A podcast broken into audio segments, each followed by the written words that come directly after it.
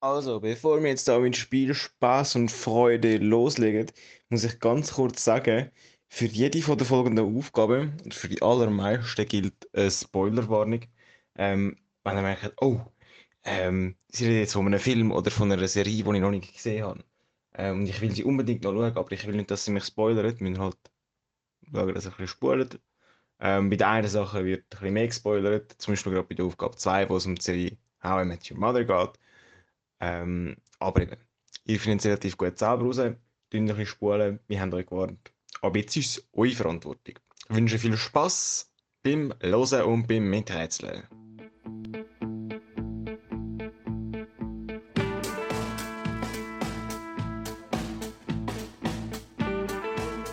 So, herzlich willkommen zu, ne- zu einem weiteren Filmquiz, zu einem weiteren Limoncello Filmquiz. Das mal aus dem, aus dem Nähkästchen von, von mir, von, von Jan. Ich habe mich da angesetzt, habe mir etwas ausgedacht, um mit euch da können machen ähm, mm, Weil äh, jetzt, wo die Prüfungen vorbei sind, habe ich auch wieder ein bisschen mehr Zeit, um so lustiges Zeug zu machen. Wir sind und bleiben gespannt. Klar. Ähm, ich habe gesagt, äh, Stell mich auch noch grad kurz vor. Klar, äh, mit mir stehen äh, meine zwei Kandidaten da mit mir im Studio. Ähm, hat sich Kandidat 1 gerade wieder vorstellen, bitte? Dankeschön. Ich bin der Micha und ich freue mich wie, äh, wie einen Flitzebogen auf das Quiz. Ja, danke, Micha. Micha, äh, Kandidat 1, Kandidat 2 hast du dich auch gerade wieder vorstellen. Ich bin der Nick, ich bin da noch der Ton am Regeln, darum war gerade Jan ein bisschen leisiger. Gewesen, Ja, nein, ich habe eine Liste gegründet als sonst. Ach so. Ich möchte noch anmerken, dass es heisst, ich bin gespannt wie ein Flitzebogen und nicht ich äh, du freue freust mich wie ein Du freust Flitzebogen. dich wie ein Tonschuh. Absolut. Klar. Ich hätte gedacht, wir fangen gerade mit, äh, mit der ersten Aufgabe an. Und zwar ist ja vor einiger Zeit, ich weiß nicht, wie lange das her ist, Man merkt, dass du Lehrer bist mit der ersten Aufgabe. die erste Aufgabe. Das ist ja so eine, Eieiei. Was ist es denn? Kategorie? Mit der Es ist ersten Frage, oder? Nein, mit es sind der- eben mehrere Fragen, die unter einer Aufgabe zusammengefasst sind. Es, sind immer, es ist so. immer eine Aufgabe, die mehrere Unteraufgaben haben. Es wird, Okay. es wird mir jetzt schon zu kompliziert. Also wie Wieder viele Punkte komme ich für Frage 3 über? Bei Frage 3 gleich viel wie bei Frage 1. Also, let's go. Okay. Also, Aufgabe 1 ist an, an einem Hashtag orientiert. Und zwar ist vor einigen Jahren auf Twitter der Hashtag Explain a Film Plot Badly unterwegs gewesen. Vielleicht oh, du siehst du mich auf dem Bildschirm. Nein, aber ich, Du willst äh, es verhindern. ich will es verhindern, darum habe ich den... Ich den merke, Kleber- ich muss noch ein separates Dokument aufmachen, dass ich eure Punkte aufschreibe. Das ist jetzt Mhm. passiert. Und vielleicht hast du irgendwann noch Lust, ins Mikrofon zu reden. Klar, aber es ist noch schwierig, ähm, weil ich gerne weiter weg vom Tisch sitze. Jetzt rutsche ich da ein bisschen hinein. Ein Bild für die Herrgötter. für das Herrgöttli panagiert. Zum Glück ist das kein Videopodcast. Auf jeden Ja. Fall, äh, ex- vielleicht kennt ihr das. Explain a Film Plot Badly geht darum, dass man Mhm. einen Film halt möglichst Schlecht erklärt. möglichst schlecht und möglichst simpel erklärt. Haben wir auch schon gespielt. Haben wir auch schon gespielt. Mhm. Jedenfalls, ähm, ich weiß nicht, ob die Sachen, die da, wo ich da drin habe, schon mal vorgekommen sind. Auf jeden Fall, Jetzt kommen die gleichen Fragen wie der Nick. aber Das der Nick letzte Mal hat nicht gestellt das hat. gehabt. Nein, nein, ich, ich, ich meine, wir drei haben das schon mal gespielt, als Haben wir das auf, schon mal auf gespielt. Wanderung waren. Aha, Frau, logisch. Ja. Auf jeden Fall. Gut. äh, habe ich da fünf, so- äh, fünf so Besch- Filmbeschreibungen parat gemacht.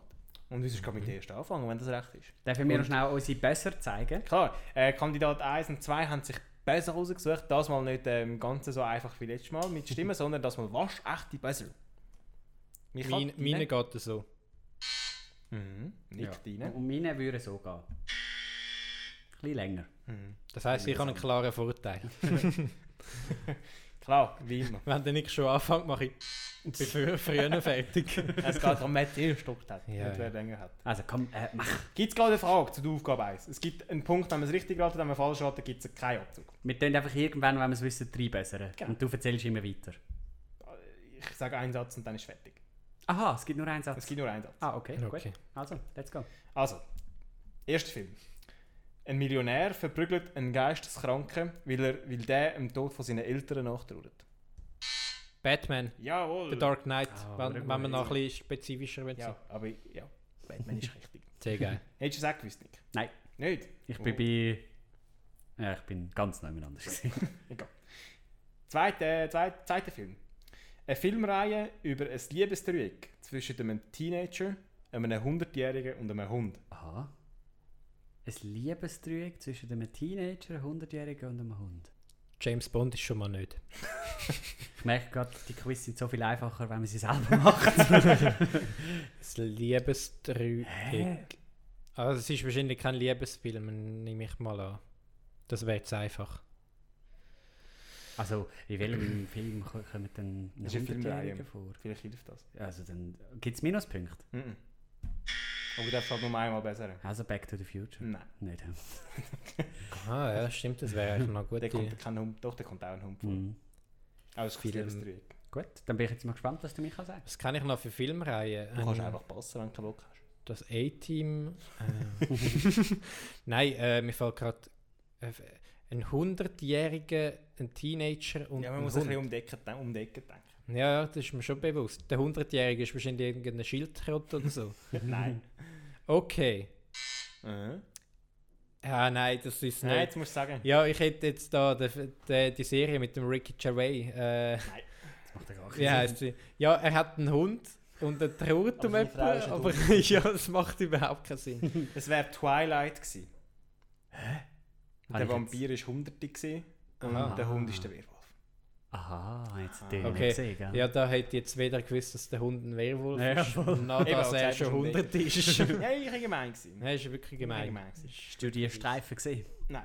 Aha. Wir haben, glaube ich, einmal in der 6. Klasse geschaut, weil ähm, wir bestimmt worden sind, zum, zum einen anderen Film zu schauen. Na gut. Dann, dritter Film. Ganz eine kurze Beschreibung. Ein Ball ist sein ganzes Leben. Was? Ein Ball ist sein ganzes Leben. Ähm, das ist da der Film mit dem Tom Hanks auf der einsamen Insel. Mhm. Ich würde gerne den Titel hören. Aha, das, das habe ich nicht gewusst.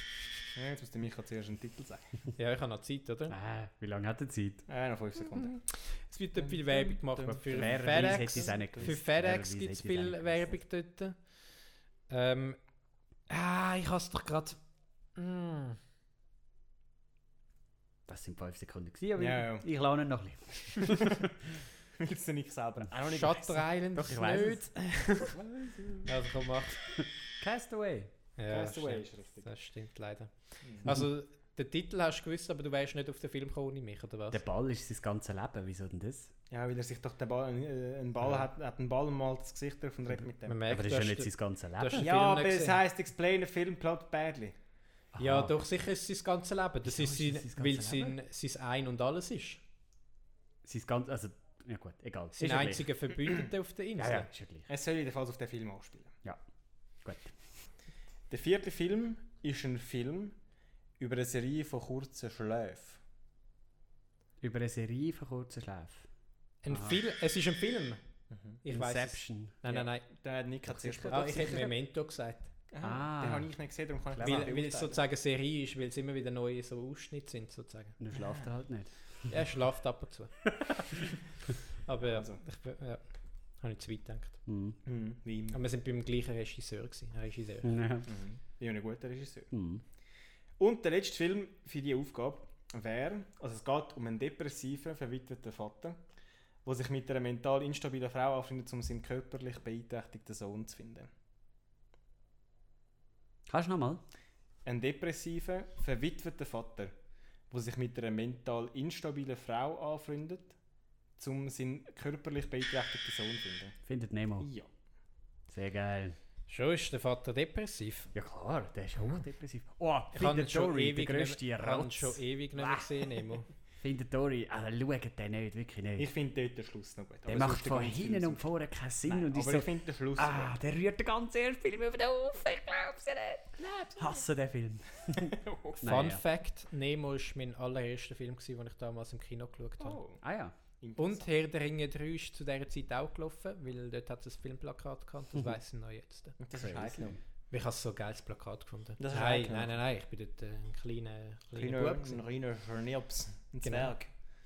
Findet Nemo ist ja ein Pixar-Film. Hm. Da ist äh, jetzt wieder einer auf Disney Plus rausgekommen.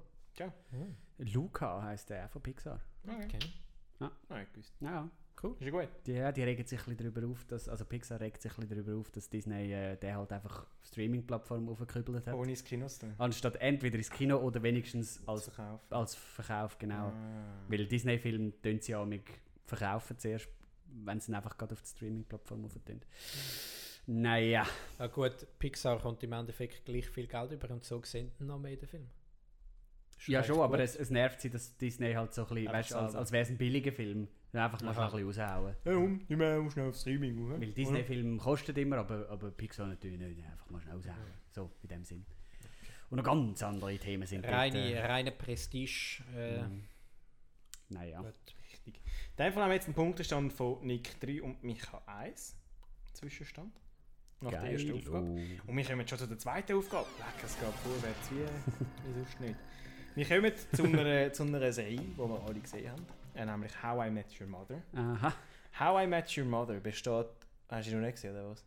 Doch, doch. Aber äh, Mich hat bei der, Let- beim letzten Quiz g- bei gefühlt jeder Frage hat schon mal gesagt, außer dort, was es gewesen Nein, wäre. es ich geht eben sage nur... ganz ehrlich, ich habe früher immer so How I Met Your Mother Folgen im Fernsehen geschaut, wenn sonst nichts gekommen ist und es immer langweilig gefunden. und dann habe ich es irgendwann so angefangen durchzuschauen, aber ich habe es meistens eigentlich als Podcast Hm. gelesen und nicht geschaut. Okay.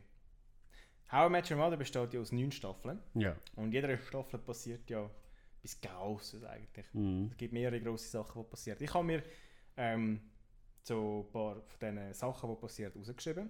Und die Aufgabe für euch wäre herauszufinden, in welcher Staffel ist es passiert. Also nichts mit Passern. Mal mal. Aha. Also ihr baselt, der, der zuerst baselt, tut zuerst sagen, was er denkt und der Ah. andere einfach nachher auch sagen.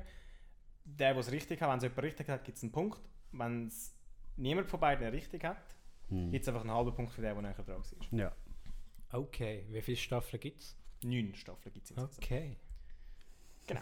Ja, Die erste grosse Sache, die passiert, oder eine von den Sachen, die die passiert, ist, dass der Ted und die Robin zum ersten Mal zusammenkommen. Ende erste Staffel. Genau, ist schon richtig. Schon? Krass. Musst gar nicht Der mehr an. Ted. Ah ja, okay, gut. Ich habe gerade mit dem Barney verwechselt. Hm. Das wäre etwa in der vier, fünften, in der fünften hätte ich gesagt. Ah, Ich habe es gewusst, äh, aber ich, ich bin ganz nebeneinander gewesen und äh, ich bin Nein, ich habe anders gemeint. Auch Ted hast du gesagt. Hm. äh, Hast du nicht Barney gesagt? Äh. ja, also. Also, zweiter Punkt. Der Ted trifft. Haben ihr auch einen Spass gehabt? Können wir weitermachen? Wir können weitermachen. Mhm. Der Ted trifft zum zweiten Mal auf die Victoria, die Bäckerin, wo er, ähm, wo er eine Fernbeziehung nach Deutschland gehabt hat. Jetzt weiss er alle und ich keinen. Oh shit, nein, das zweite Mal, der trifft noch ein paar Mal auf die. Gibt es Äh, Minuspunkte? Ich sage Staffel trifft- 7. Er trifft zweimal auf die. Staffel 7. Staffel 7, was sagst du? Ich muss, hä? Mhm, also musst Weil es keine Minuspunkte gibt. Ja, dann sage ich. Ja, dann stimmt es in dem Fall nicht, Dann weil sag vorher ist Nein, auch Dann war sage ich nicht. sechs. Nein, es wäre Staffel 8 gewesen. Gibt einen halben Punkt für den Nick, weil er eigentlich dran ist. Scheiße, Bitte, bitte, bitte. Bitte, bitte, bitterbös. bitte bei uns. Dann, next. Der Ted kommt seinen Job an der Universität über. Staffel 5. Stimmt nicht? Ah, Mist. Staffel 2. Nein, 6. Vier. Ah, Und fuck. auch wieder der Nick näher dran gewesen. Und zwar ziemlich gegen Ende von der Staffel 4. Mhm. Dann die Hochzeit von Lily und dem Marshall. Vom Lilly. Von der Lily und dem Marshall. Ich bin jetzt so frech und sage Staffel 2, weil dort heiratet es auch schon, einfach nur für 30 Sekunden. Aber es ist ja Staffel 2. Ah, dort heiratet ist es ja auch noch sonst richtig. Staffel zwei. Ah, Ja. gut. Hätte jetzt vier gesagt. Sie haben ja zweimal geheiratet. Das stimmt. Wir bleiben gerade bei den, bei, den, bei den Marshall und dem Lily. Wir bleiben bei, bei Marshall und der Habt ihr Lily. Breaking Bad gesehen? Mhm. mhm. Mm, Nur die Hälfte von der ersten Staffel. Ah, was? Genau. Dann mache ich, dann mache ich, dann, wenn ich ein Filmquiz mache, einfach über Breaking Bad. Nein, so ich viel, muss dir stellen. einfach so viele Fragen. Ich muss- Bin ich auch so es kommt, assi, ja. es kommt noch ganz ein Haufen, gell, wir sind noch gar nicht jetzt eigentlich. ja. Der Sohn von Marshall und der Lily kommt auf die Welt. Die haben einen Sohn.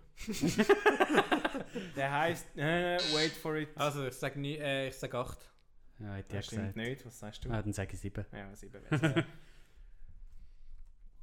äh, ja. Marshall und Lily ziehen aus aus der Wohnung. Drei. Ja. Staffel 3. Schade. Staffel 3.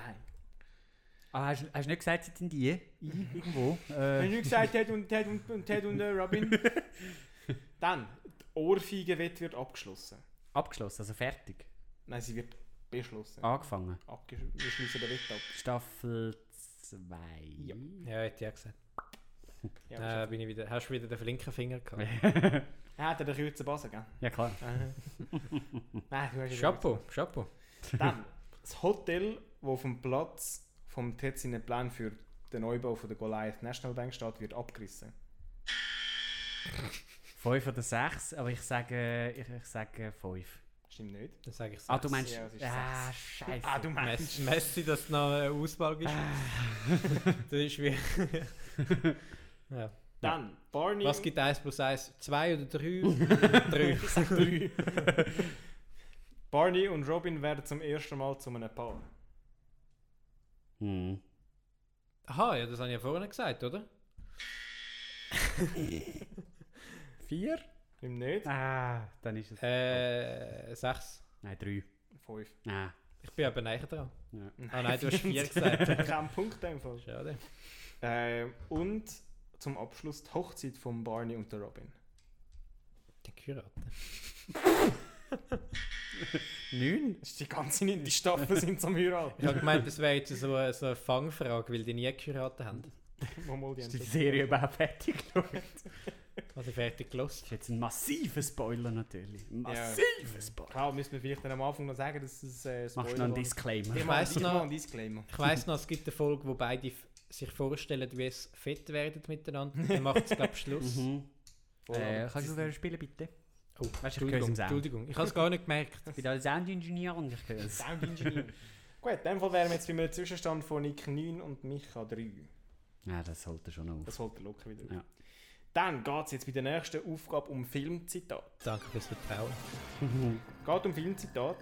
Ähm, und zwar geht es darum, dass man das Filmzitat vervollständigt. Also, also der Ende vom Satz sagt er noch. Entweder das Ende oder in der Mitte vom Satz. Aha. Ähm, ich sage am Anfang, wie viele Wörter das fehlen. Ja.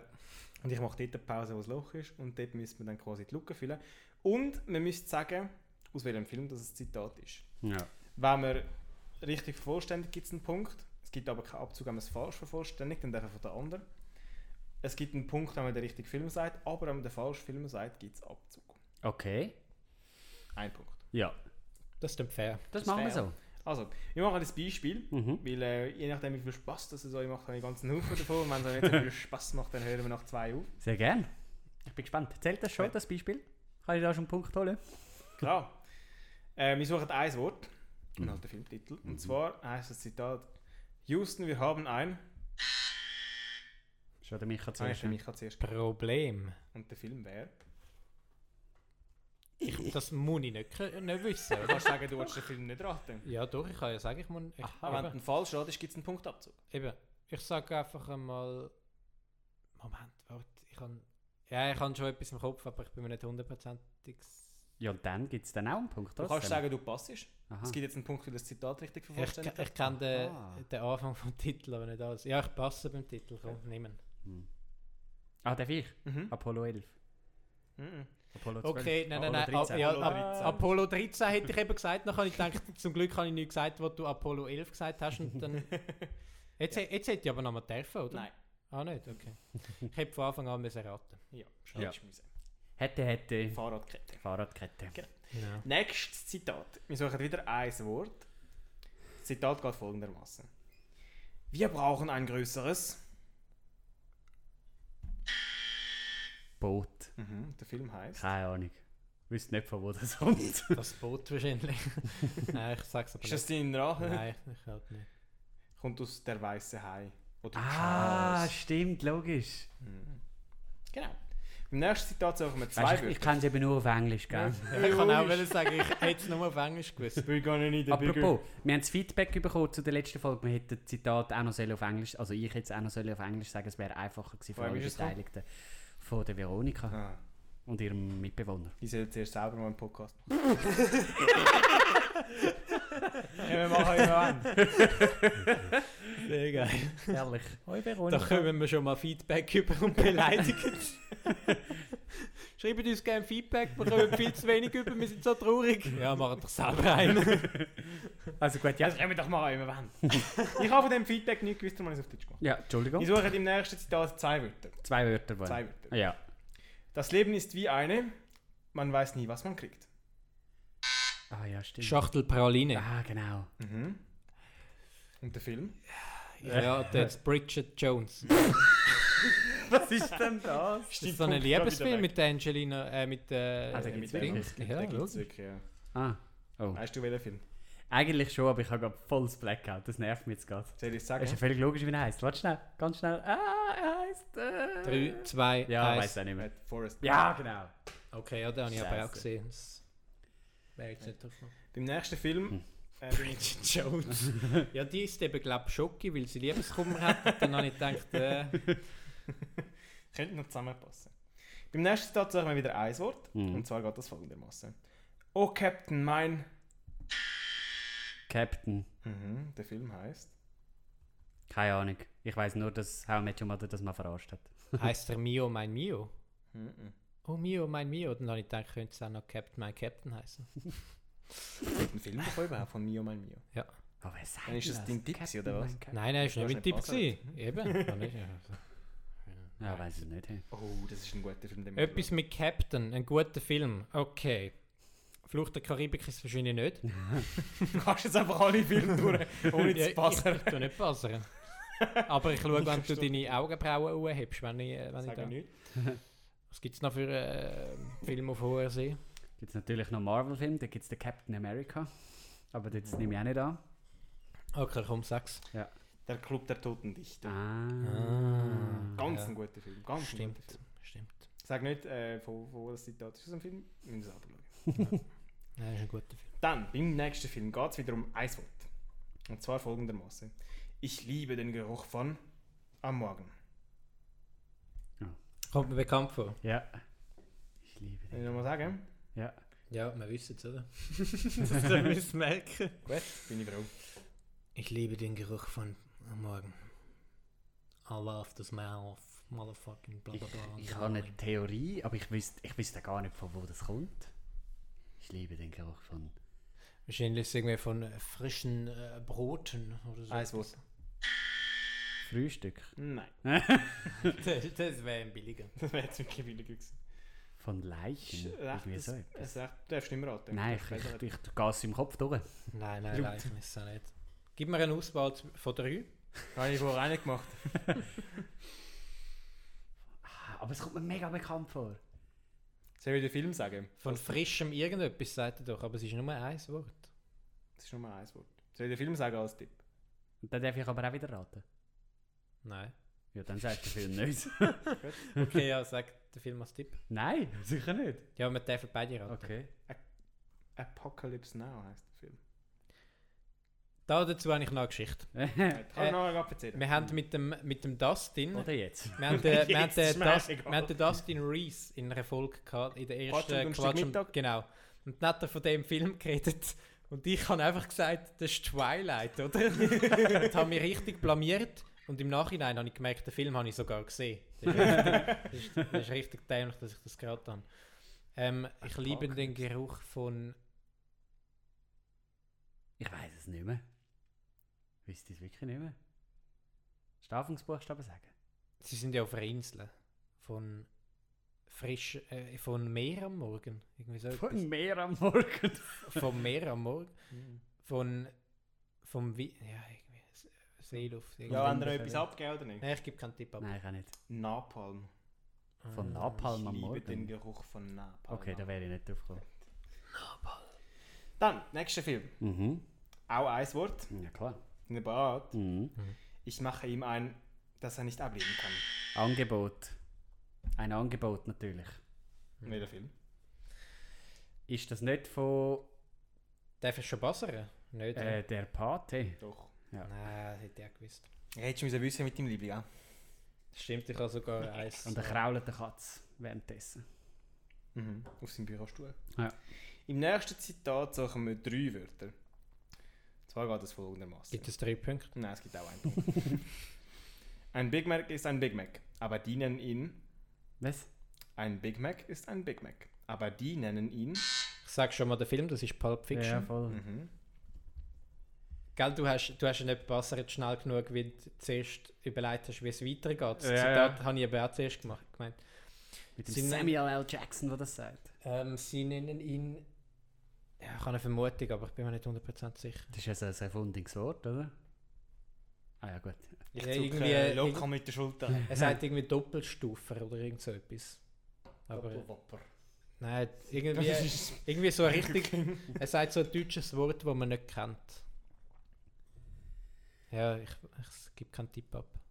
Ja, ich sowieso auch nicht, ich habe keine Ahnung. Aber die nennen ihn Le Big Mac. Ah, Ja, stimmt, stimmt. Ja, das ist zu lange her, als ich den Film gesehen Im nächsten Zitat suchen wir sieben Wörter.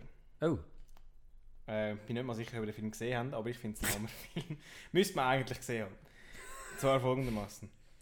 Guten Morgen. Oh, und falls wir uns nicht mehr sehen, Fertig. dann gagt's nicht. guten Nachmittag, guten Abend und gute Nacht. Fast. Ah, scheiße. Fast. Aber ich Genau das wüsste den gleiche, einfach Film. mit gutem Ich Abend. wüsste den Film. Er, sagt, er hat gesagt, guten Nachmittag, guten Abend und gute Nacht. Aha. Und, ja gut, ich kann ihn nicht Ich meine, dort kannst du noch korrigieren. Den Film kannst du noch raten.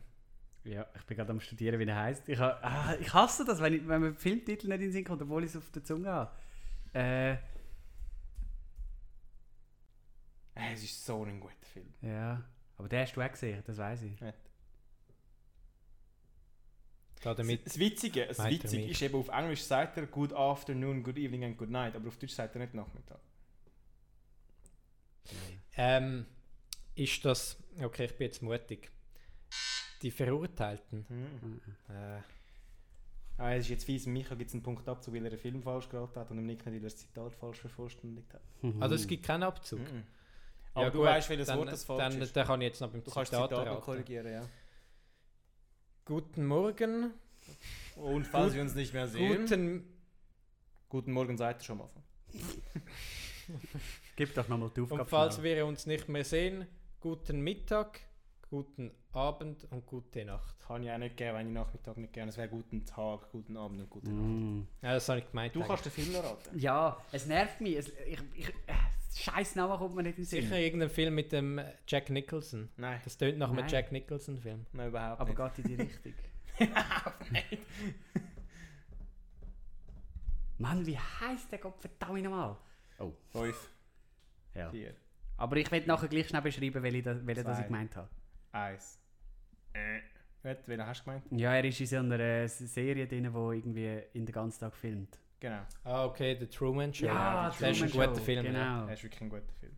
Einer von Jim Carrey ist ein seriöserer Film. Das war äh, der Abschlusssatz, gewesen, oder? Den er rauslässt. Er Äh, ich sagt- darf nichts sagen, nichts spoilern. Er, ja, sie- er sagt es am Schluss, aber er sagt es auch irgendwann im Der Film Tag sonst drüber, einmal, ja. äh, wenn er, wo er seine Nachbarn grüßt. Oh, guten, und falls wir uns nicht mehr sehen, ah, guten stimmt, Tag, das ist guten dann Abend, so guten ein Tag. crazy Abschluss. Das ist wirklich ein guter Film. Das ja. ist so ein verdammt guter Film. Ich habe ihn erst einmal gesehen, muss ich wieder Schade. mal schauen. Mhm. Dann, nächstes Zitat. Suchen wir drei Wörter. Und zwar ist es ein Dialog. Was ist das? Das ist blaues Licht. Und was macht es? Es leuchtet blau. Ja, das habe ich auch gedacht. Aber Das ich weiß welcher nicht, mehr, Film wo ist das es ist. Aber ich weiß, dass ich es kenne. Mann, das ist mega schwierig. Die Filme herausfinden. Das ist ein Matrix. Ah, ah. Das ist schon wieder ein Abzug. Das ist auch ein Unfall. mhm. Es leuchtet blau. Ja, wo, bl- wo brennt denn ein blaues Licht? Ich Es habe den ist- Film nicht gesehen, ich habe nur das Zitat gekannt. Darf ich trotzdem nochmal, Ja, auch wenn es noch mehr Abzug gibt? Mhm. Nein, Abzug gibt es jetzt keinen mehr. Ich sage, es ist James Bond, Nein. wo er so Gadgets Mhm. erklärt. Weißt du, der macht immer so Gags mit, mit dem Q. Dann sagt er, das ist ein Kugelschreiber. Und was kann der? Der kann einfach nur schreiben. Weißt du, das ist so, so die schlechten Mhm. Gags. James Bond-Film. Ja, ich habe keine Ahnung. Das wäre Rambo 3 gewesen. Ah. Gut. Hast du den Dann- überhaupt mal gesehen, Nick? Das muss Ewigkeiten her sein. Nächstes Zitat sagen wir auch wieder drei Wörter. Ähm, ein kurzes Zitat. Und zwar geht es: Alles, was du besitzt. Besitzt auch dich. Ah, Oh, so Fast. Ist aber philosophisch, oder? schön. Der Film ist Fight Club. Ja, Besitzt irgendwann dich. ja. Ja. Okay. Herrlich. So etwas ist doch einfach nur Der noch Nick herrlich. leidet voll, der Nick leidet voll. Im nächsten Zitat, im nächsten Zitat sagen wir auch wieder drei Wörter. Wenn das ein Wettrennen wäre, hättest du mir vorher die Hosen abgezogen und, und wärst no- losgerannt. Ähm, das ist ein bisschen ein längeres Zitat. Ähm, der Film sollte relativ schnell klar sein. Mein Name ist Maximus Decimus Meridius, Kommandeur der Truppen des Nordens, Tribun der spanischen Legion, treuer Diener des wahren Imperators Marcus Aurelius, Vater eines ermordeten Sohnes, Ehemann einer ermordeten Frau und ich werde mich dafür rächen. In diesem Leben. Wie viele Wörter sind es? Drei. Oder im nächsten. Mhm. Das ist jetzt aber absehbar. Gewesen. Das tönt so wie die scheiß Werbungen bekommen die ja die ganze Zeit von so einem Game. Wo irgendwie so, so Raid Leute Shadow Legends. ja, mega schlecht synchronisiert sagt zu einem. Jawohl. Hey, äh, warum sind die deutschen Truppen eigentlich immer so schlecht? Dann sagt der andere, na, du musst eben aufstocken auf. Bitte gib mir Gallien, bitte nachher- gib mir Gallien. Oh nein, wieso Sibirien? Gell, es ist so ein Alter und ein Junge auf dem Sofa. Und nachher aber sagt die die Frau, haltet mal alle die Klappe, ich will mich konzentrieren aufs Game. Game Test Spiel auch, da findet ihr es heraus. Es gibt auch so eine, die noch schlechter noch synchronisiert ist, wo zwei im Lift sind. So, so ein Business, zwei Business-Leute. Ja, ja, genau. So die Frau am Handy. Ja, voll. Ich baue mir gleich meine Truppen auf. Scheiß Werbung. Und er sagt ihr am Anfang, du bist ja so schlecht in diesem Game. Und dann äh, am nächsten Tag ist sie mega gut. Und dann sie, das ist, weil ich meine, meine Truppen äh, trainiere und ihnen das... äh, Ich habe den folgenden Gutscheincode eingelöst. Mit dem kriegst du 40 legendäre Karten. Ah, sehr geil. Aber äh, den Film weiß ich nicht. Was? Kannst du es nochmal sagen? Soll ich es nochmal sagen? Es kommt. Nein, das wäre ja irgendwie so 300 oder so, irgendetwas in die Richtung. ja, Ist oder- das dein Tipp? Nein, Also der- der Legionär oder drei, ja, Sparta. nein, 300 ist es nicht. 300 ist es nicht, nein. Ja doch, es kann schon sein. ich keine so Ahnung. viel bringen. also er heißt, er heißt Nein, 300 Ja, Leonidas, eben. Ist klar. der Gladiator. Nein. Sechs, Schon noch Atem? sechs. Gladiator. bitte, bitte, bitte. Bitte, bitte. Nächstes Zitat. Ich aber habe gedacht, noch der Film zwei hat Zit- einen Oscar gewonnen, der kann nicht Hat so einen Oscar dumme gewonnen. Dialoge haben. Das ist eine der geilsten Szenen. Ähm, Im zweitletzten Zitat suchen wir fünf Wörter. Und zwar: Wenn wir sterben, werden unsere Körper zu Gras und die Antilopen fressen das Gras. Somit sind wir alle eins. König der Löwen. ja, das hätte ich auch geraten jetzt. Und wir suchen fünf Wörter. Ah, das wär's schon gewesen. Wir sind alle eins. Nein, jetzt hast du nicht zugelassen. Hm. Ja, ich habe meinen Punkt, das ist mir Ja, scheißegal. ist es König der Löwen? Ja, logisch, Schon, oder? König der Löwen. Es geht so um den Circle of Life und so. Du kommst ja mal einen Minuspunkt über. Kannst du eigentlich weiter erzählen, Jan? Schadet ihm nichts. Schadet ihm nicht. Gut. Wenn wir sterben, werden, werden unsere Körper zu Gras und die Antilopen fressen das Gras. Somit sind wir alle eins. Fünf Wörter. hä? Außer du. Du nicht, du Arschloch. Sind sechs Wörter, das passt nicht. ja, dann streichen wir es du. Geil. Außer du, du nicht, Arschloch. Ja, ich weiß es nicht, ehrlich gesagt. Im ewigen Kreis des Lebens. Somit sind wir alle eins im ewigen Kreis des Ja, Sehr Hakuna schön. Matata, gell? Ja. Lebens. Gilt stets als modern. Habt ihr den zweiten und dritten Teil mal gesehen? Nein, Ist nicht gut. habe ich nie vor, gehabt zum Schauen. Zweite easy, dritte finde ich nicht so gut. Und Real Life sowieso kompletter Bullshit. Ich bin ja mehr Ice Age-Fan gewesen früher. Mm. Gibt es eigentlich von äh, dem auch mal eine Real-Life-Version von Ice Age? Das wäre geil. Also Das wär wirklich- ich habe zwar bei, bei das Dschungelbuch habe ich die Real-Life-Version von Netflix Viel besser gefunden. viel besser gefunden. Viel besser. Die habe ich auch mal Es ist auch ein bisschen angefangen, ja. brutaler und ein Die ist bisschen auch mit ernster. Mhm. dem, mit dem Andy Serkis, der den Gollum gespielt hat, und mit dem Benedict Was Cumberbatch. der Tiger spielt. Cumberbatch. Cumberbatch. Oder der Tiger spielt ja voll. Ja, das und ist ich herrlich. glaube, Kate Blanchett oder so spielt die Schlange K oder so. das kann gut Das sein. ist recht gut besetzt. Ja. Dann in dem Fall haben wir noch ein Zitat. Ähm, vier Wörter suchen wir. Bis zur Unendlichkeit. Und noch viel weiter. Sehr schön. Welcher Film? Oh. Bis zur Unendlichkeit und noch viel weiter. Äh, Dann fliegen jetzt davon, oder? ja. Mhm. Ah ja, Back to the Future. Nein, voll nicht. Scheiße. Abzug. Gib jetzt Ah. mal dazu, auch wenn du nicht besseren hast. Ja. Ja. Aber es ist schon recht. Vielleicht hat es gemeint. Hä, wenn... Also... Raumschiff Enterprise ist es aber nicht. Bis zur Unendlichkeit. Ja, wer sagt das Gott Deli? Also wenn... Zur Unendlichkeit. Also, die- Das ist ein Disney-Film. Aber Ich weiß nicht welcher. Bis zur Unendlichkeit. Ich, es liegt mir auf der Zunge. Oben ist es nicht. Ah! Toy Story! Ja. Darf man Klar. zweimal raten? Pixar-Film, nicht Disney, Entschuldigung. Darf man zweimal raten? Nein, eigentlich eben nicht. Eigentlich Schon, eben oder? Eigentlich Gut, Gut. jetzt habe ich es im Ich muss jetzt äh, ganz Dann darfst du ehrlich nicht besser. sagen, Ich muss etwas gestehen, ich habe noch nie einen Toy Story Film geschaut. Schlecht. Aber wir haben ihm den Punkt vorher gegeben, weil er ohne deinen Tipp nicht aufs Antwort gekommen wäre. Das heißt, du kannst mir jetzt die Antwort einfach klauen. Eigentlich schon. Aber ich nehme an, du machst das ja nicht. Toy Story! Welchen? Welchen Teil? Ja, ihr sagt es wahrscheinlich jedem. Welchen Teil? Sag einfach im Eis. Im Eis. Zum Jawohl. In dem Fall wären wir jetzt noch der dritten Aufgabe. Glück habe ich nicht 6 gesagt. Mit einem Zwischenstand von 15, ich komme mich auf 4. Ach schon. Ja. Einfach weil ähm, so Einfach krass- weil du 10 Fragen zu How I Met Your Mother gestellt Ja, hast. voll. Wir kommen jetzt zu, zu der nächsten Aufgabe. Und zwar geht es um eine Alphabetaufgabe. Ah. Ähnlich wie die, die du letztes Mal gemacht hast mit Filmen, die eine Zahl drin haben. Mhm. Einfach gehen wir, gehen wir am Alphabet nach. Geil. Ah, Ähm, fangen, fangen wir natürlich beim A an. Und wir, suchen- ich bin nervös. und wir suchen die Schauspieler. Oh fuck. Ja, denke ich, dann Geil. verliere ich gerade. Und, da gibt es ähm, nur einen Punkt. Ich kann den Vornamen oder den Nachnamen mit dem Buchstaben anfangen. Und zwar machen wir zuerst Schere, Stein, Papier. Wer, wer, das tun wir nicht mehr beide bei jedem Buchstaben raten, außer bei X und Y, weil es dort halt einfach keine Leute gibt. Mhm. Ähm, gewisse Buchstaben sind schwieriger, aber das merken dran. Ähm, Und Schere, also Stein, wenn, Papier, wer wenn beim A zuerst muss raten. sagen wir mal, Und dann muss einfach der, der beim A zum, als zweites geraten hat, muss dann beim B zum ersten Mal raten und dann geht es wieder. genau, aber wenn jetzt zum Beispiel der Nick beim C schon niemand mehr weiß, dann Dann kommst du einen Punkt über. genau, Wenn er dann etwas mache nicht dann, weiss, dann kommst du mach einen ich beim Punkt D weiter und er kann dann wieder weitermachen beim E zum Beispiel, oder?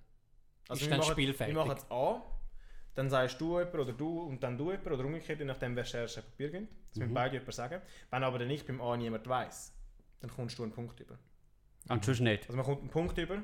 wenn es der andere nicht ja, weiss. dann, wenn es beide wissen, dann äh, gibt es sicher keine. beiden Punkte. Ja, ja, Das ist klar. wieder davon. ähm, und man darf jeder Schauspieler nur einmal sagen. Das heisst, wenn wir jetzt beim N wären und du Bass bist und sagst, äh, Nick Weber, darf, darf man beim W den Nick Weber nicht brauchen. Ah, aber sonst kann man Vor- und Nachname ist egal. Genau. Ja. Das hat er Und wir gesagt. suchen natürlich Nein, jetzt international, internationale Schauspieler und nicht einfach Leute wie, wie, Ja, uns, vielleicht noch wie verfolgt. uns oder ein Dorian oder so, die mal ab und zu in einem Film mitmachen. Okay. Oh shit, da Ähm. bin ich so schlecht. Hey. Und man geht das ganze Alphabet durch. Außer X und Y. Eine Schere, Stein, Papier. Gut, der Nick fängt an. Adam Sandler. Mhm. Sehr gut. das hast das hast äh, wirklich gut gemacht. Im A gibt es fast am meisten. Da kommt mir auch niemand mehr anders in den Sinn. Was? hey, das ist jetzt richtig mies. ich weiß doch so viel. Du bist wirklich viel Darf besser ich, in dem darf ich ihm Bereich einen als Tipp ich. geben, weil er 11 Punkte hat? Ja, hallo? Nein, nein, nein, ich will keinen Tipp. Ich will, nein, das will ich Wir nicht. gehen das ganze Alphabet durch und ich weiss doch niemand. Außer Adam Sandler. ja.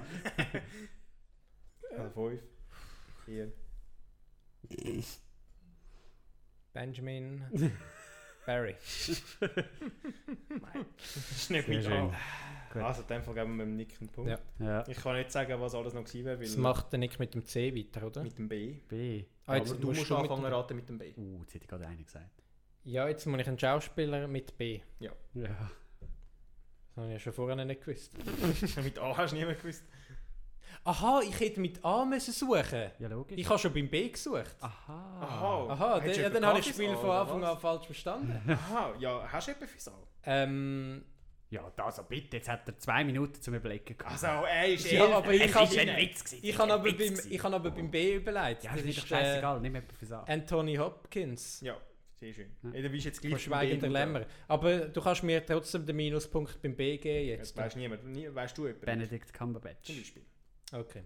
Dann jetzt sind wir, Jetzt kann ich ja jetzt sind sagen, wir wieder man quitt, hätte, oder? man hätte bei beiden Buchstaben können Ben Affleck sagen Ja, ja. Sag ich dann mit dem H. Dann bei mir. Der Ben Affleck sagst du. Äh, Nein, scheiße. Den kann ich sagen, weil der mit A anfängt. weißt du. Gut, also. Dann wäre jetzt beim C, der Nick fängt wieder an. Charlie Sheen. Boah, können wir das Fenster aufmachen? Jackie Chan. Ja. Wieso lachst du? Wieso Der lachst fängt wirklich mit- Ah, nö, ich hab gedacht, Jackie. Mach Warte, ich mache noch schnell Machst du den das Fenster Sven- auf? Ja. Kannst du dir mal überlegen fürs D? Den Nachnamen fängt. Ich glaube auch Nein, Idiot. Jackie. der. Jetzt Der- mit beim D fängt wieder nicht an, oder? Jetzt Nein, jetzt fängst du wieder du an. Aha, okay. Ähm, Aber bei C und A hätte man können Casey Sind wir jetzt nicht Affleck bei C?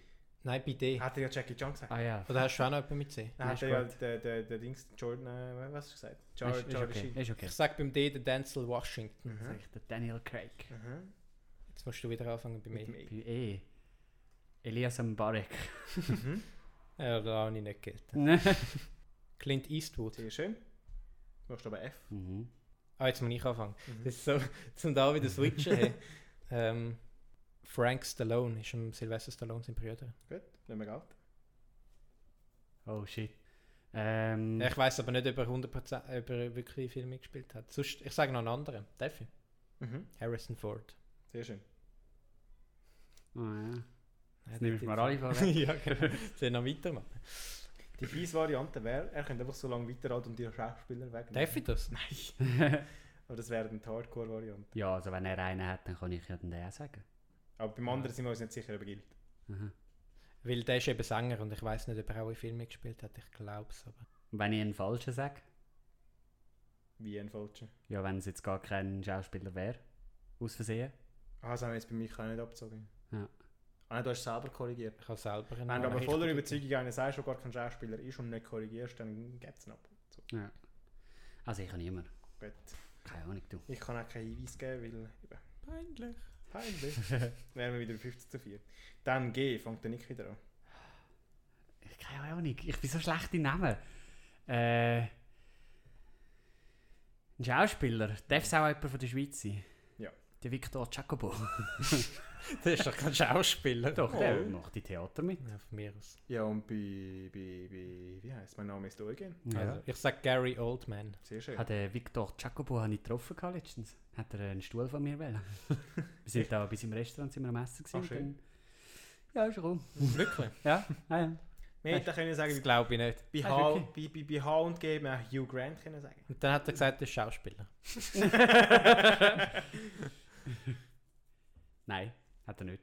Gut, weiter. Wo sind wir? Ich habe gar nicht richtig zugelassen. Ich bin die ganze Zeit am Rumstudieren, Ja, ich eben eben auch. was es mit Hagen bin auch noch halb da. Harrison Ich kann, Ford äh, kann ich nicht schon wieder sagen, Ich leider. habe außersehen den Hugh Grant vorweggenommen, weil ich gemeint habe, wir sagen beim H schon durch. Den Also haben wir ich können sage sagen. nicht, dass Nein, man Fairness kann können nicht. nicht. Gut, wir dürfen auch nicht mehr sagen. Also ich fange an, oder? Mit dem Ja. H. Nein, du hast beim G angefangen. Nein. Ich- Nein, du hast beim F angefangen. Fast beim A wieder an. Ich glaube, wir machen aber nicht das ganze Alphabet durch, Mal, oder? Doch, das doch, zieht das sich ist ja. geil. Aber es macht Spaß.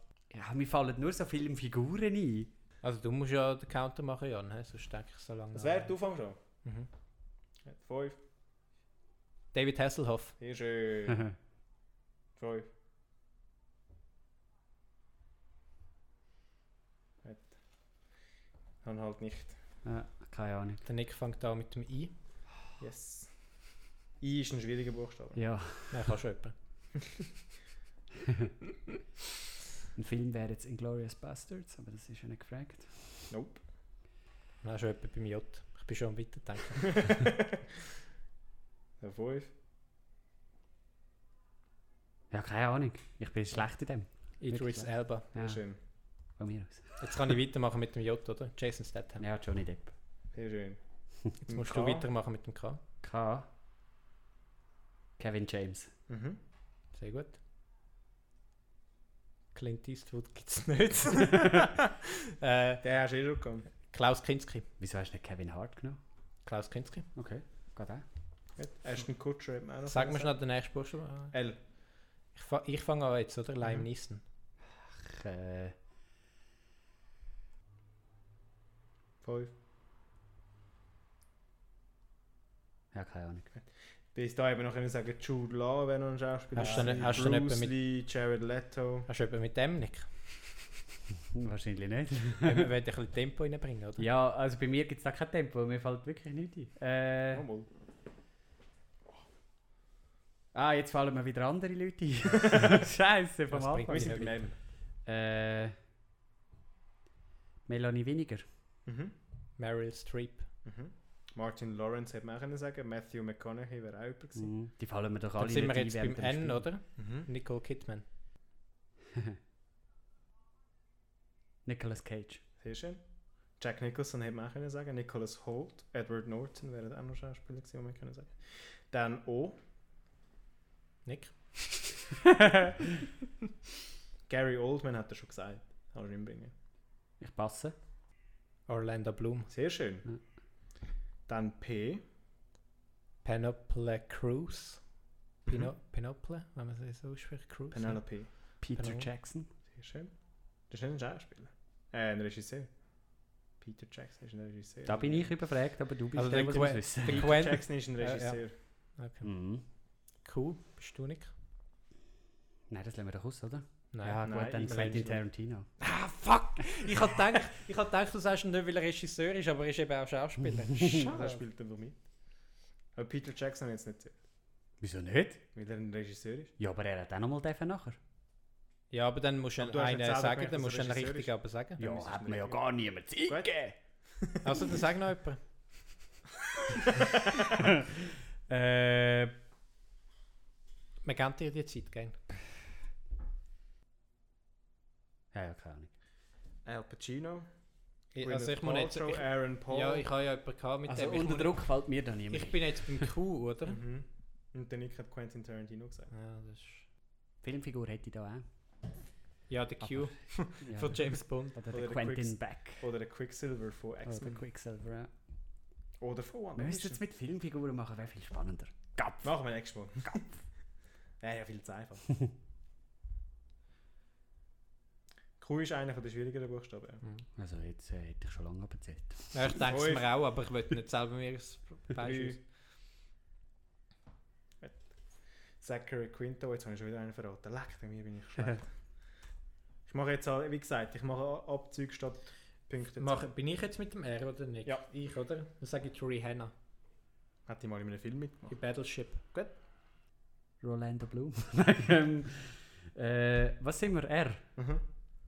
Ricky Gervais. Sehr gut. Robert Downey Jr. wäre auch Mm, gewesen. sehr schön. Ryan Reynolds wäre Ja. mit Doppel. Robert De Niro, Rami Malek. Habe ich mir den ausspricht. Ähm, S. 5. Selena Gomez. Mhm. Sandra Bullock. Mhm. Sylvester Stallone. Sacha Baron Cohen. Arnold Schwarzenegger. Ich hätte noch jemand anders gehabt, aber ich bin mir nicht mehr sicher, gewesen, ob wir den schon gehabt haben. Wer? Aber ich weiß es jetzt nicht mehr. Okay. T. Michael. Ah, Tarantino gibt es schon. hä? 5.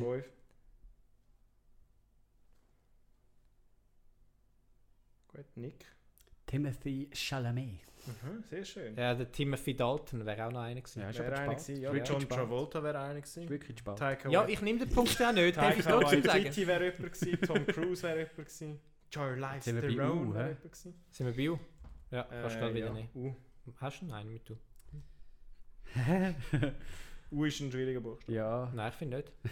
ja, ich weiß, glaube er du sogar im Kopf hast. Ja, Dann weißt du mehr als ich. Gut, dann von nicht. Michael. Heißt die James Bond Darstellerin Ursula Andres da aus Doc- Doctor No? Irgendwie, dann gibt es noch U Utah, irgendetwas da von Kill, Kill Bill. Doch, Die von James Bond heißt doch Ursula zum Vornamen. Ich gehe ja. nachschauen. Wie, welcher Film ist es? Ja, aber also hallo. das ja, langt den nicht. Nachnamen habe ich. Ursula Andres, gib das mal ein. Dr. No, James Bond. James Bond Girl. Mal, tatsächlich. Heißt Ist auch sie nicht. Ursula Ja, als erstes Andres? Bond Girl. Andres, ja. Sehr geil. Scheiße. Muss ich geben. Schade. Schade. Uschi Glas hätte man können sagen. Uschi. Duma Thurman von Pulp Fiction. Ja, die habe ich, geme die, die habe ich gemeint eigentlich. Mit Kill Bill, aber hat die nicht dort mitgespielt? Wie Ich heißen hab die, wie heissen die von Kill Bill? Muss ich nachschauen? Also V we- lassen wir aus, oder? Hast du Nein, V machen wir. gesagt? Aha. Wieso kommt Du fängst an. Wie heißt die aber noch? Uma Thurman. Aha. Pulp Fiction ist aber auch sie, oder? Bin Dann nehme mir ich, ziemlich Ul- sicher. dann nehme ich Ulma Furman fürs V. Sie schreibt sich mit TH. Also etwas mit V, hä? Ist auch Uma Thurman. Vin Diesel. Sehr schön. Ah. Leck du mir, wir kommen zu allen anderen Buchstaben, wenn wir Leute. Haben wir das F schon gehabt? Ja. Schon, hä? Schon lange. Carrie Fisher wäre dort gut gewesen. also, Fünf. äh, V fällt mir nicht Äh, Jürgen Vogel, Jean-Claude Van Damme, Vigo Mortensen. ein. Äh, weh. Muss ich jetzt nicht den Punkt, hä? ich vergesse immer den Punkt. Jetzt fängt der Nick an und Denzel Washington kannst du nicht nehmen. Emma Watson. Sehr schön. Bruce Willis. Mhm. Und XY lassen wir aus, dann wären wir bei Z. Wirklich, wieso lassen wir die aus? Weil es nicht mehr gibt. Also. Zoe Bell. Bell. Du musst googeln, ob das wirklich stimmt. aber- Zoe Bell.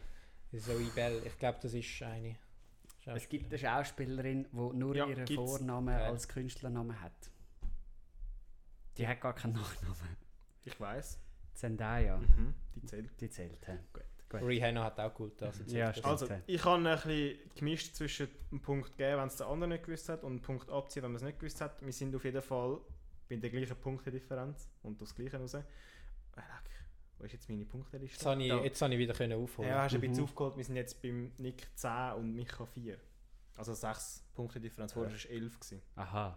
Ja, gut. Eben, wie gesagt, ich habe ein bisschen wir, sind, abgewählt. wir haben Minuspunkte bekommen. ja. Minuspunkte bekommen, teilweise aber auch dazu. Gut. Ich habe Jedenfalls. gedacht, einen Punkt habe ich mehr bekommen. Wow. Wow. Dann kommen wir zu deutschen Synchronsprechern. Müssen wir Basserfragen wieder vornehmen? Jetzt sind wir wieder bei Basel. Äh, Basser vornehmen. Jedenfalls.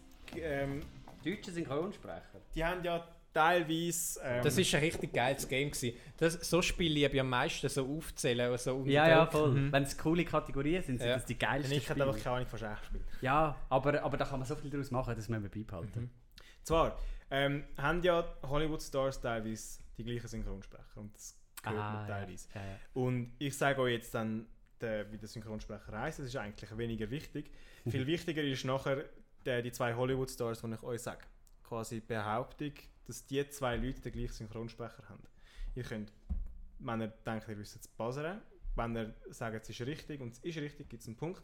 Wenn ihr sagt, es ist richtig, aber es wäre eigentlich falsch gewesen, gibt es einen Minuspunkt. Ja. Genau. Ähm, klar, Also du sagst zum Beispiel, der, der Freddy ist der Synchronsprecher von Johnny Von Ur- Depp und dem Hans Uli. Genau. So, Und gut. dann müsst ihr sagen, eh, falsch. Ja. Und dann gibt es einen Punkt.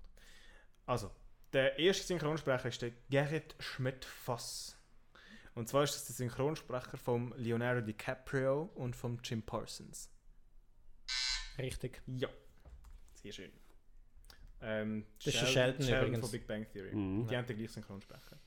Habe ich selber herausgefunden, ohne recherchieren, muss ich dabei auch. ich habe mich hure schlecht gefühlt. ähm, nächster Synchronsprecher ist der Tommy Morgenstern.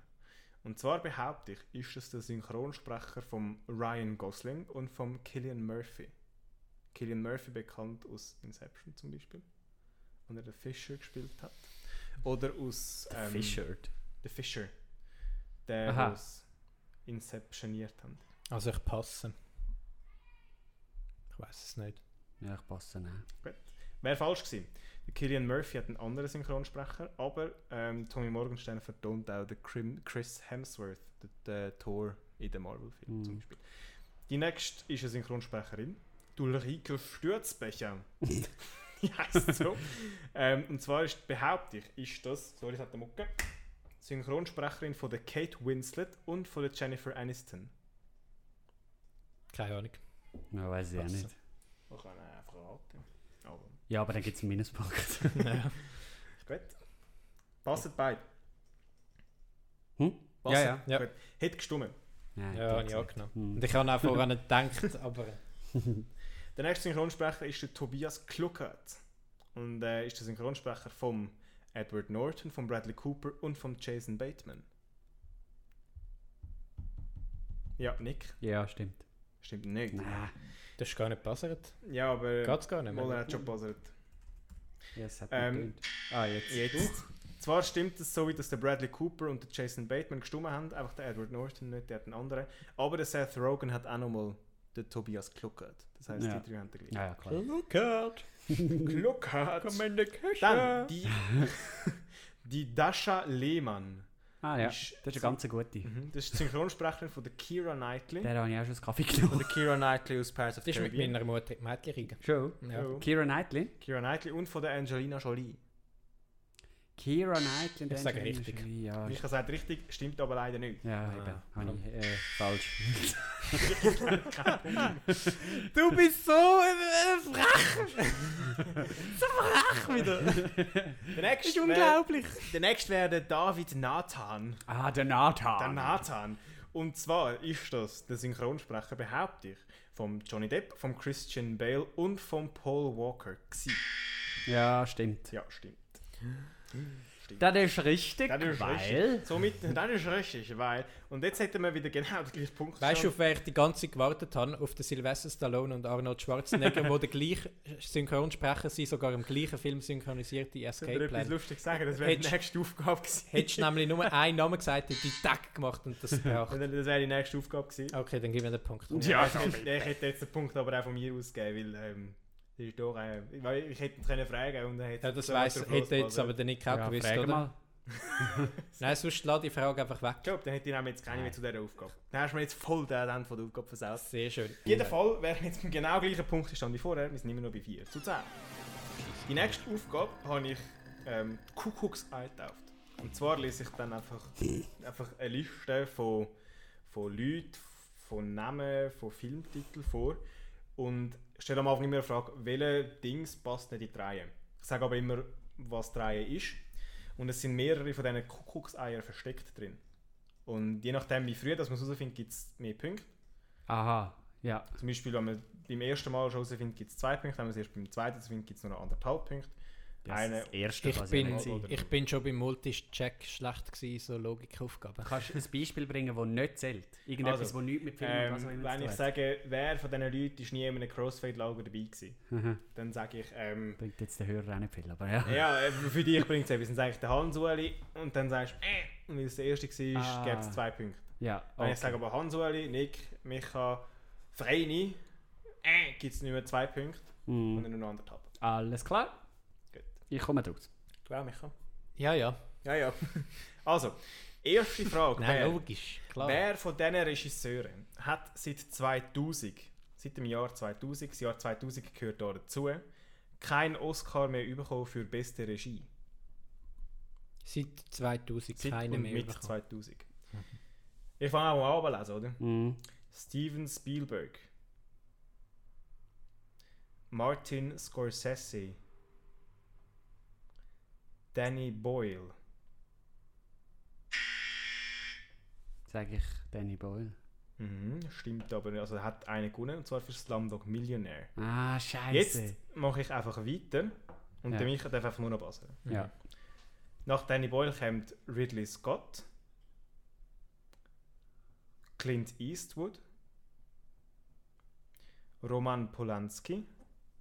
Ja, komm, Roman Polanski, der ist doch äh, vor 2000 erfolgreich gewesen, oder?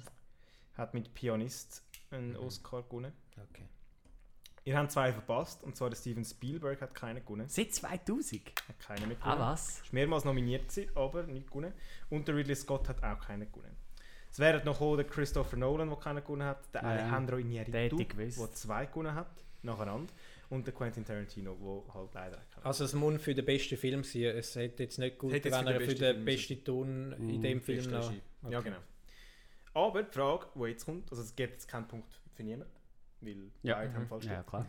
Ähm, die nächste Frage ist, welcher Film ist nicht von Steven Spielberg Aha. als Regisseur? Nicht als, Ah. Regisseur. Produzent oder Executive Producer, sondern effektiv Boah. als Regisseur. Ist aber schwierig. Das ist noch Mhm. bei Filmproduzenten. Eben. Äh, Eben, das ist jetzt Die nicht weisst welcher du Film. natürlich alle, hä? Bei welchem, bei Darum, welchem darum Film, wird es jetzt viel die schwieriger. Frage ist, welcher Film ist nicht von ihm als Regisseur? Ja. Eben und, und eben. Nur Regisseur, nicht die anderen Rollen. Ah ja, blöd, genau. Ja. Das ist leicht. äh. ja. Wir fangen die Liste an mit Die Abenteuer des Tim und Struppi. Oh nein, so Nein, dumm, der der ist hat gut. das- Das ist wirklich dumm. Ja, Zwei Jahr genau. 2011 ist der raus. Ja. Ja. Dann darf jetzt nur der Nick. Wir Realverfilmung, machen oder? weiter. Ready Player One, Doch, ja, da war der Regisseur. Gewesen. Forrest Gump. Ja, da nicht. Ja. Weißt du, wer es war? Bei Forrest Gump. Ja, klar. Christopher Nolan. Nein, keine Ahnung. Ich weiss der es Robert Zemeckis. Nicht. Ja, hätte Ja. ich nicht gewusst. Ähm, es wäre noch weitergegangen mit. Wir können einfach zum Spass noch weitermachen, ohne Punkte. Ah, Ja. Wenn ihr wollt. Ja, wir haben doch gerade Ja, so klar. Spaß. Falls jetzt der Zuhörer gefunden hat, ja, mal Forrest Gump ist auch vom Steven Spielberg, dass, dass der Zuhörer noch weiterraten kann. Ja. Indiana Jones, die Jäger des verlorenen Schatzes. Der ist von ihm, ja. Mhm. Schindlers Liste. Der ist auch von Der ist Mhm. ihm. nicht von ihm. Doch, sicher ist der Schon? von ihm. Krass. Shawshank Redemption. Der ist nicht von ihm. Nicht Von ihm. Okay. Nämlich von Der ist von Jerry Bruckheim, oder? Frank Darabont. Ah, okay. Catch Me If You Can. Mhm. Der ist auch von Der ihm. ist Nein, von der ist ihm. nicht von Das ihm. ist von ihm. Ah, Doch, der ist von ihm. Rich of Spies. Der ist keine Ahnung, nicht habe von ich ihm. nie Das ist gesehen. von ihm. Das ist Okay. ein guter Film, den musst du schauen. Der ist, der Jurassic World. ist von Der ist ihm. nicht von ihm. Ist nicht von ihm. Ja, Jurassic stimmt. Park. Ja. Der Wer ist von ihm. Der ist nämlich auch Absolut. der Liste. Und Fight Club. Wäre auch nicht von ihm gewesen. Ja. Ah, Gut. okay. Sehr geil. Sind zwei Punkte für den Nick. Weil Macht er Spaß. äh, Das macht Spaß. die das erste Kuckucksei gefunden hat. Das Kuckucksei. Und jetzt vielleicht eher eine Aufgabe für den Micha. Wie heißt kein James Bond Film? Okay.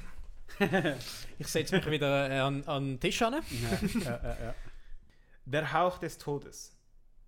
wo kein ist. hä? Wir suchen Filme, wo kein James Bond Film Okay. Uh. sind. Liebe Grüße aus Moskau. Heißt Liebesgrüße. Sehr nicht schön. Liebegrüße. Ah, clever. Sehr gut. Sehr gut. Sehr gut. Sehr gut. Ähm, ich lese einfach die anderen auch noch vor, zum Weitermachen. Mhm. In tödlicher Mission. Diamantenfieber Den hätte ich jetzt gesagt, ist nicht. ist eine. Ah, schade. 1971 mit dem Sean Connery. Ah, Im Geheimdienst ihrer Majestät. ja, der ist einer. Sterben und leben lassen.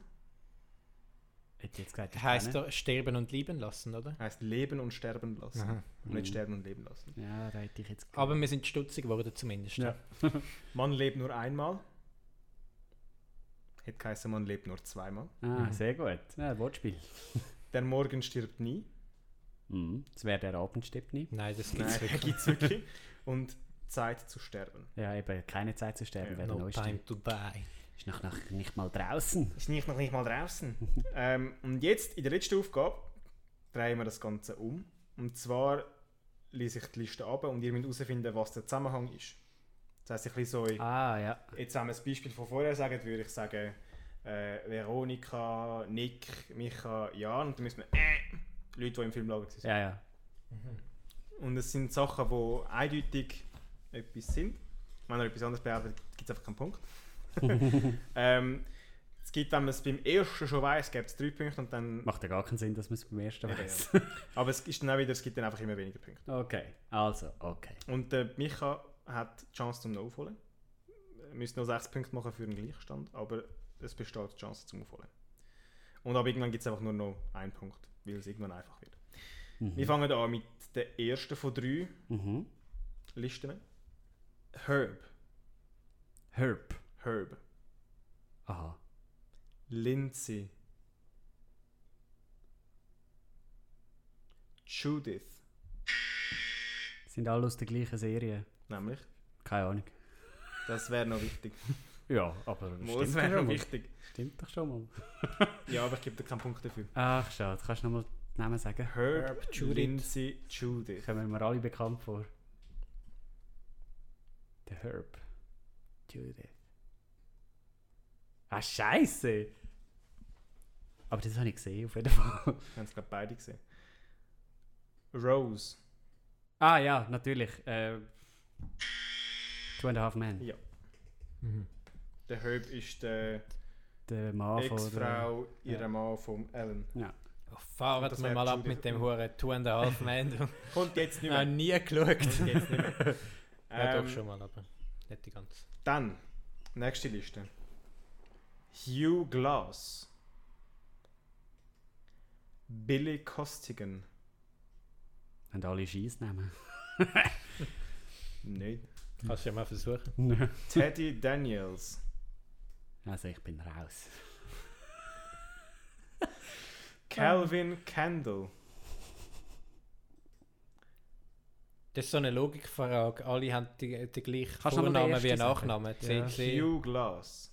Okay, nein. Ja, doch, ja, das. Sie haben alle gleiche Vor- und Nachnamenbuchstaben. Hugh Glass ist Hugh Glass. Eben darum hat er den gepassert. Weil der ich glaube, falsch ich ist. keinen Punkt. Du darfst jetzt aber noch weiterraten. Den ich nicht. Okay. Hast du mal das eingeleitet? Also, ich komme- Hugh Glass. Billy Costigan. Mm. Du darfst nicht mehr. Logisch. Ah, nicht. Hure weißt es. Ja, Teddy Daniels. ja. Sag mal. Calvin Kendall. Also, wenn er es nicht weiss, sag ich's. Ja, die hat er ja schon vorher gesagt. Ich gehe noch weiter. Rick Dalton. Jay Gatsby. Du weißt es nicht, Nick. Du bist ein hoher Lügner. Du hast keine Ahnung. Jetzt müssen wir das eigentlich Du hast wissen. null Ahnung. Ich mache weiter. Ja. Dom Cobb Mhm. und Jack Dawson. Jetzt ist es dann irgendwie Friends, die nur den Jan kennt. ja, keine Ahnung. Weißt du es nicht? Ja, aber das Gibt heisst aber nicht, keinen Punkt das, für dich. das heisst nicht, dass du nicht keinen Punkt bekommst. Ja. Nein, es gibt keinen. Weißt du es nicht? Gibt Nein, aber auch keinen wird Abzug, passen. oder? Was wäre es gewesen? Sind alle der gleiche Schauspieler. Nämlich. Nämlich der Leonardo, Leonardo DiCaprio. DiCaprio, genau.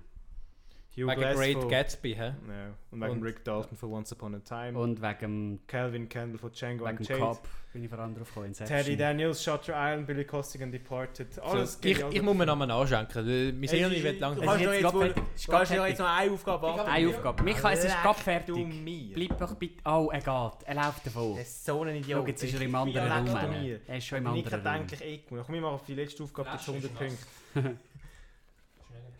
Auch wenn das Gamblen gibt für die letzte Aufgabe 100 Punkte. Hast du das T-Shirt von The Godfather? Das haben wir jetzt schon zweimal gesagt. Oh, Dann hättest du doch wissen weg deinem Bleibli.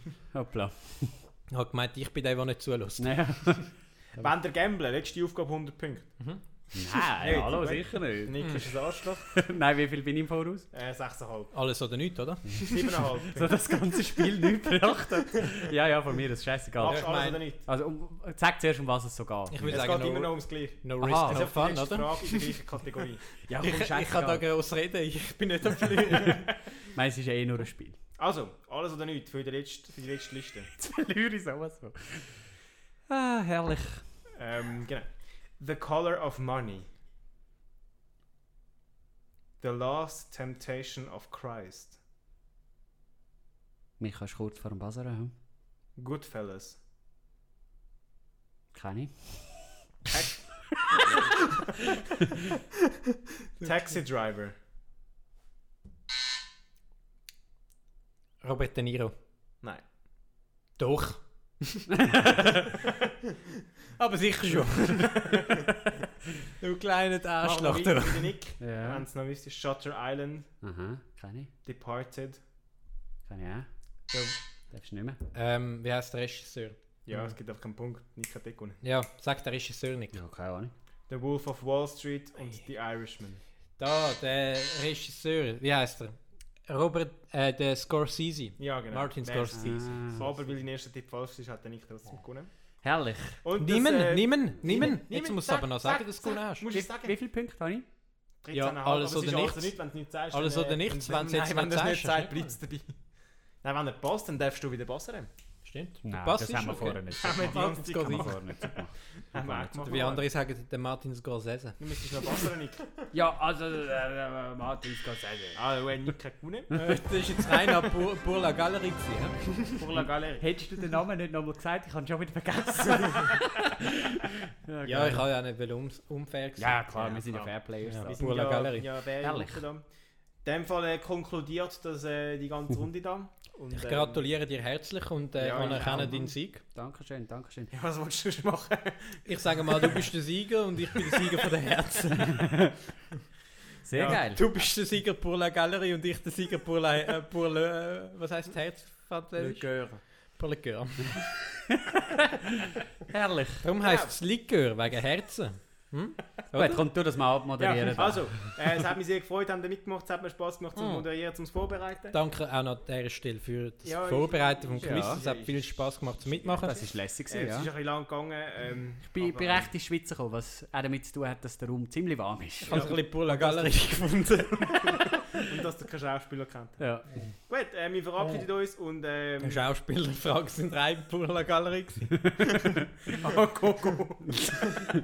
Guck mal. Also, Coco, tschüss zusammen. Tschüss. Adios, adios.